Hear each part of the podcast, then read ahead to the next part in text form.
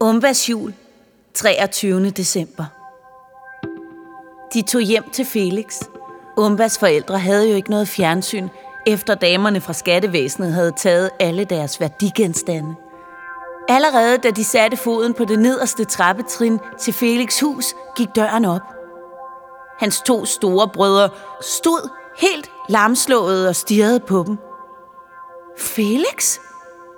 Felix, er det dig? Ja, hej to. Hans brødre brød ud i grin. Du er nisse! Seriøst? Du er nisse? Ja, jeg er, sagde Felix. Eller, jeg er en nisseaspirant.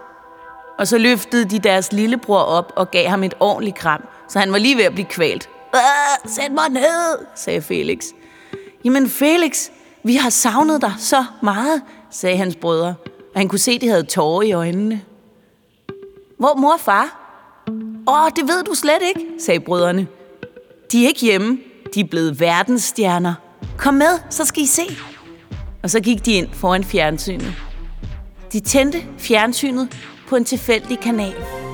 Der stod en meget seriøs tv-rapporter foran Danmarks Nationalbank. Og bag hende, foran banken, var pladsen fuld af voksne mennesker med nissehuer. På et banner, der hang ud over en balkon, stod der De Røde Huer.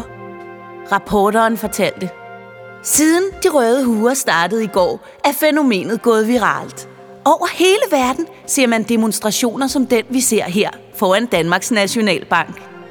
Voksne mennesker med nissehuer, der kommer med kærlighedens budskab, som siger, at penge er ikke alt.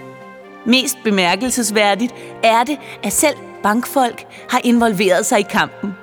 Her taler vi med Leif, som er talsmand for de røde huer. Åh, det er far, sagde Felix. Og Felix far fik mikrofonen. Han kiggede direkte ind i kameraet.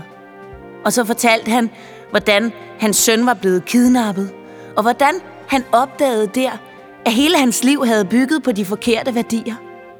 Han havde troet, at arbejde og karriere kom frem for alt. Men, sagde han, når det kommer til stykket, så er vores nære relationer det vigtigste og det eneste, der betyder noget i vores liv. Og min søn, sagde han med tårer i øjnene, betyder alt for mig. Jeg har gennem en længere periode lavet mig forblinde af penge, af magt, af ting. Jeg har været en forbrugsjunkie. Jeg har været en arbejdsnarkoman. Og nu taler jeg på alle de røde huers vegne. Vi ser det som et globalt problem. Vi har bygget en tilværelse op på forkerte værdier. Og det har jeg lært af min søn. Og hans gode ven, Umba. Og af nisserne, sagde han og blinkede ind i kameraet. Fotografen panorerede hen over menneskemængden. De kunne se Felix mor stå og dele julesmåkager ud. Og de kunne se Umbas mor og far. De stod oppe aller øverst på bygningen med armene højt hævet over jorden. Og de råbte kærlighed, mod, åbenhed og glæde. Og kameraet fortsatte sin gang helt op mod himlen. Og der kunne man se hundrede, nej, tusindvis af hvide duer komme flyvende. Menneskemængden blev helt stille og stirrede op mod det fantastiske syn. Alle duerne landede på taget, helt stille, og bare sad der som et levende bevis på, hvor kraftfuldt et budskab de havde.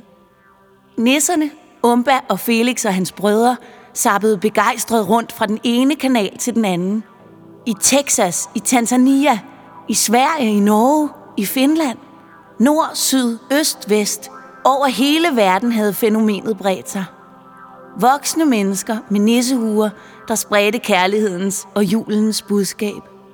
Det var som en mærkelig og fortryllende kærlighedsfest. Og langsomt, langsomt smeltede guldfeberen væk. På børsen var der panik. Økonomien væltede. Kurser og aktier brød sammen. Ingen tjente nogen penge, og alle var ligeglade. Eller det vil sige, de var ikke ligeglade.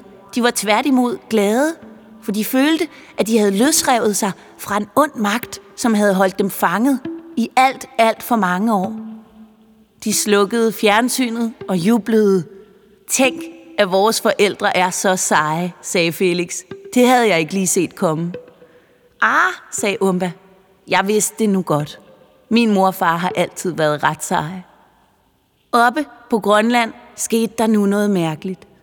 Efterhånden som de røde huer vandt frem, og kærligheden voksede og fyldte hele universet, begyndte julemandens støv at tage form. Langsomt kom han til syne. Først fødderne, så benene, så den tykke mave, armene, det store skæg, de glade plirrende øjne, og til allersidst den store røde nissehue. Og julemanden brød ud i et rungende ho, ho, ho, ho, ho, som var så glædesfyldt, at det kunne høres over hele jordkloden. Og i Danmark kiggede Umbas mor og far og Felix forældre på hinanden og sagde, nu tror jeg, det er på tide at tage hjem. Jeg tror, missionen er lykkedes. Og så tog de hjem i Felix hus, hvor de alle sammen blev genforenet. Åh, mor og far, sagde Felix. Jeg elsker jer. Og vi elsker dig, Felix, sagde mor og far. Og Umbas forældre, de bare smilede og kyssede hende og ville slet ikke sætte hende ned igen. Og de knudede sig ind til hinanden i et kæmpe bjørnekram. Og Bartolin Fyrkat afbrød forsigtigt. Må jeg minde om, at det er den 23. december. Det er lille juleaften i dag. Skal vi ikke tage til Grønland og holde jul sammen, alle sammen i år? Vi kan ikke gå hver til sit oven på sådan en historie. Og det var alle enige om. Og, tilføjede han alvorligt, i morgen er der jo eksamen til Nissernes Akademi. Og Umba og Felix stivnede. Eksamen? Nu? Ja vel ja, sagde Bartolin Fyrkat. Man må holde på formerne. Og den eksamen er vigtig. I må hjem og have jeres nattesøvn, inden det går for sig i morgen.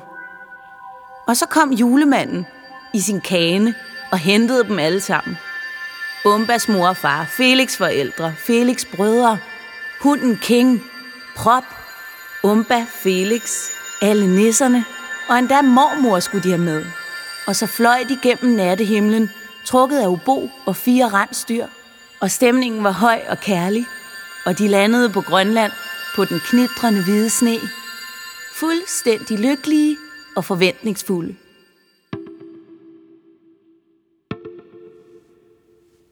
Her slutter dagens afsnit af Umbas jul. Umbas jul er digtet og fortalt af Katrine Høj Andersen. Lyddesign og klip af Solvej Kyungsuk Christiansen.